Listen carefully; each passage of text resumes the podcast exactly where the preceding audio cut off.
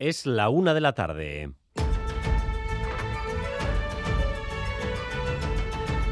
Crónica de Euskadi con Dani Álvarez. A Rachaldeón, la descarga de rayos y truenos de las últimas horas ha dado más de un susto en nuestro país.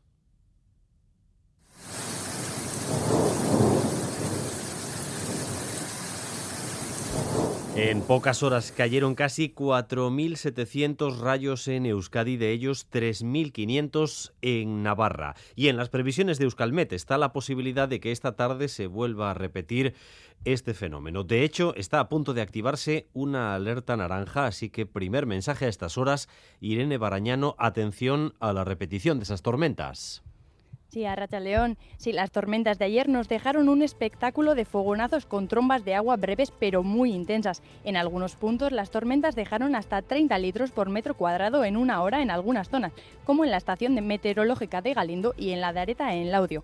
Ahora mismo me encuentro en el barrio bilbaíno de Zorroza, en el número 6 de la calle Cadagua. Aquí ayer un relámpago alcanzó un cuadro eléctrico produciendo un incendio y dos vecinos del edificio tuvieron que ser trasladados al hospital por inhalación de humo. La sala de contadores está totalmente calcinada y el portero automático, como era de esperar, no funciona. Empezó a salir humo, tuvieron que desalojar a, todo el vecindario del bloque. Se fue toda la luz del, barrio. Donde vivo yo, hay un grupo de Castalde, ahí están haciendo obras. Se cayeron todas las vallas en medio de la carretera y claro, los coches no, no podían pasar. Los bomberos también tuvieron que intervenir en Portugalete, donde un rayo alcanzó una gasolinera, pero por suerte lo que podría haber sido una desgracia acabó en susto. En escasas dos horas, a las 3 de la tarde, Euskalmet activará la alerta naranja, que durará hasta las 10 de la noche, con gran inestabilidad, sobre todo en el interior de Vizcaya y en el norte de Álava. Los daños han sido especialmente cuantiosos también en la zona sur de Navarra, donde el granizo cayó con especial intensidad, Aritz Aguirre. Eh, los daños están muy focalizados, cultivos de la cosecha no recogida y destrozos en los municipios de Corella, de Fitero y Cintruénigo. El consejero José María Ayerdi, de Desarrollo Rural, se ha reunido con los tres alcaldes de los municipios para confirmarles que van a iniciar a tramitar la declaración de zona catastrófica. Esta declaración es el inicio para poder establecer una línea de ayudas. Es un día de calcular y enumerar los daños, pero todavía no ofrecen cifras. Diez minutos de una granizada aterradora que dejó ambos municipios como si fuera una nevada, pero de hielo. La fuerza de las tormentas motivó también el desvío de siete vuelos en el aeropuerto de Bilbao, Mayal en Galparsoro. Durante dos horas fue imposible tomar tierra en Loyus, siete vuelos desviados como los de Palma, Oporto, Londres o París y otros seis cancelados. La lluvia, el viento y sobre todo la gran cantidad de rayos hacían imposible cualquier maniobra, por lo que cientos de pasajeros han llegado esta mañana a sus destinos o están todavía de camino.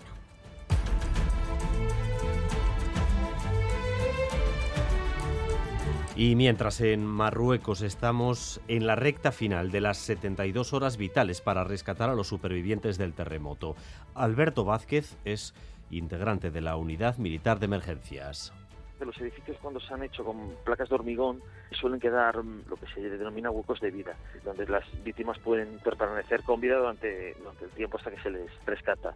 los edificios de mampostería se derrumban, sobre ellos sí es más difícil, pero como vuelvo a incidir, siempre hay una esperanza. Es, es crucial estas 72 horas Entramos, por tanto, en las horas críticas para los rescates, las últimas horas para poder llegar allí donde aún hay personas con vida bajo los escombros del terremoto. Lo peor de la situación es que las zonas más castigadas son áreas rurales, así que allí, cuando se pueda llegar, seguramente ya será tarde, Óscar Pérez. Ocurrió hace nueve meses en Turquía, misma situación ahora en Marruecos, en las inmediaciones y faldas del Atlas, con la dificultad añadida de intentar llegar hasta las aldeas y pueblos aislados. Las carreteras son infranqueables para los vehículos pesados y los equipos de rescate se esfuerzan por llegar cuanto antes. Para el pese al esfuerzo hay zonas en las que las carreteras han resultado también muy dañadas y solo se puede llegar por el aire. Solo en helicóptero se puede llegar a algunos pueblos del Atlas. Ahora mismo acaba de hacerse un nuevo público, un nuevo balance de víctimas. Se ha dado a conocer hace unos minutos. Eleva los muertos a 2.497, los heridos a 2.476. En la crónica política, hoy el diputado de Sumar, Lander Martínez, ha confirmado en Radio Euskadi, en Boulevard, que en las próximas autonómicas la izquierda plurinacional se va a presentar en nuestro país con esa misma marca, Sumar, un proyecto que ve a 10 años vista para conseguir nuevas mayorías. Sumar tiene que estar en, esas elecciones y, va a estar. El objetivo es generar un proyecto que vaya a 10 años, aglutinar a todas esas fuerzas políticas que ya hemos concurrido a unas elecciones juntas en julio, que tenga capacidad propia para poder desarrollar sus estrategias y, su visión sobre cuál tiene que ser el, proyecto de electricidad transformadora en Euskadi. Los autobuses escolares de Álava y Vizcaya siguen sin prestar servicio a la escuela pública. El gobierno vasco les acusa de utilizar a las familias como rehenes y les recuerda que están incumpliendo la ley y que eso tiene consecuencias. Tienen a las familias como rehenes, están utilizando a las familias como rehenes en esta situación y no se puede tener y jugar así con las familias. Han recurrido al gobierno y han pedido medidas cautelares. El propio gobierno también ha eh, resuelto en contra. O sea, no tienen ninguna excusa, ninguna razón, ningún motivo para no cumplir con la ley. Y hoy en Gasteiz comienza el festival Magia al Día, evento que hasta el sábado va a coger numerosos espectáculos de magia, conferencias e incluso un congreso el próximo fin de semana. Esta mañana han presentado toda la programación donde han participado eh, profesionales de la magia y también niños. Por ejemplo, el mago Eriz, una de las estrellas, uno de los grandes protagonistas de toda esta semana. Lleva nada menos que 20 años yendo a Magia al Día mostrando su ilusión.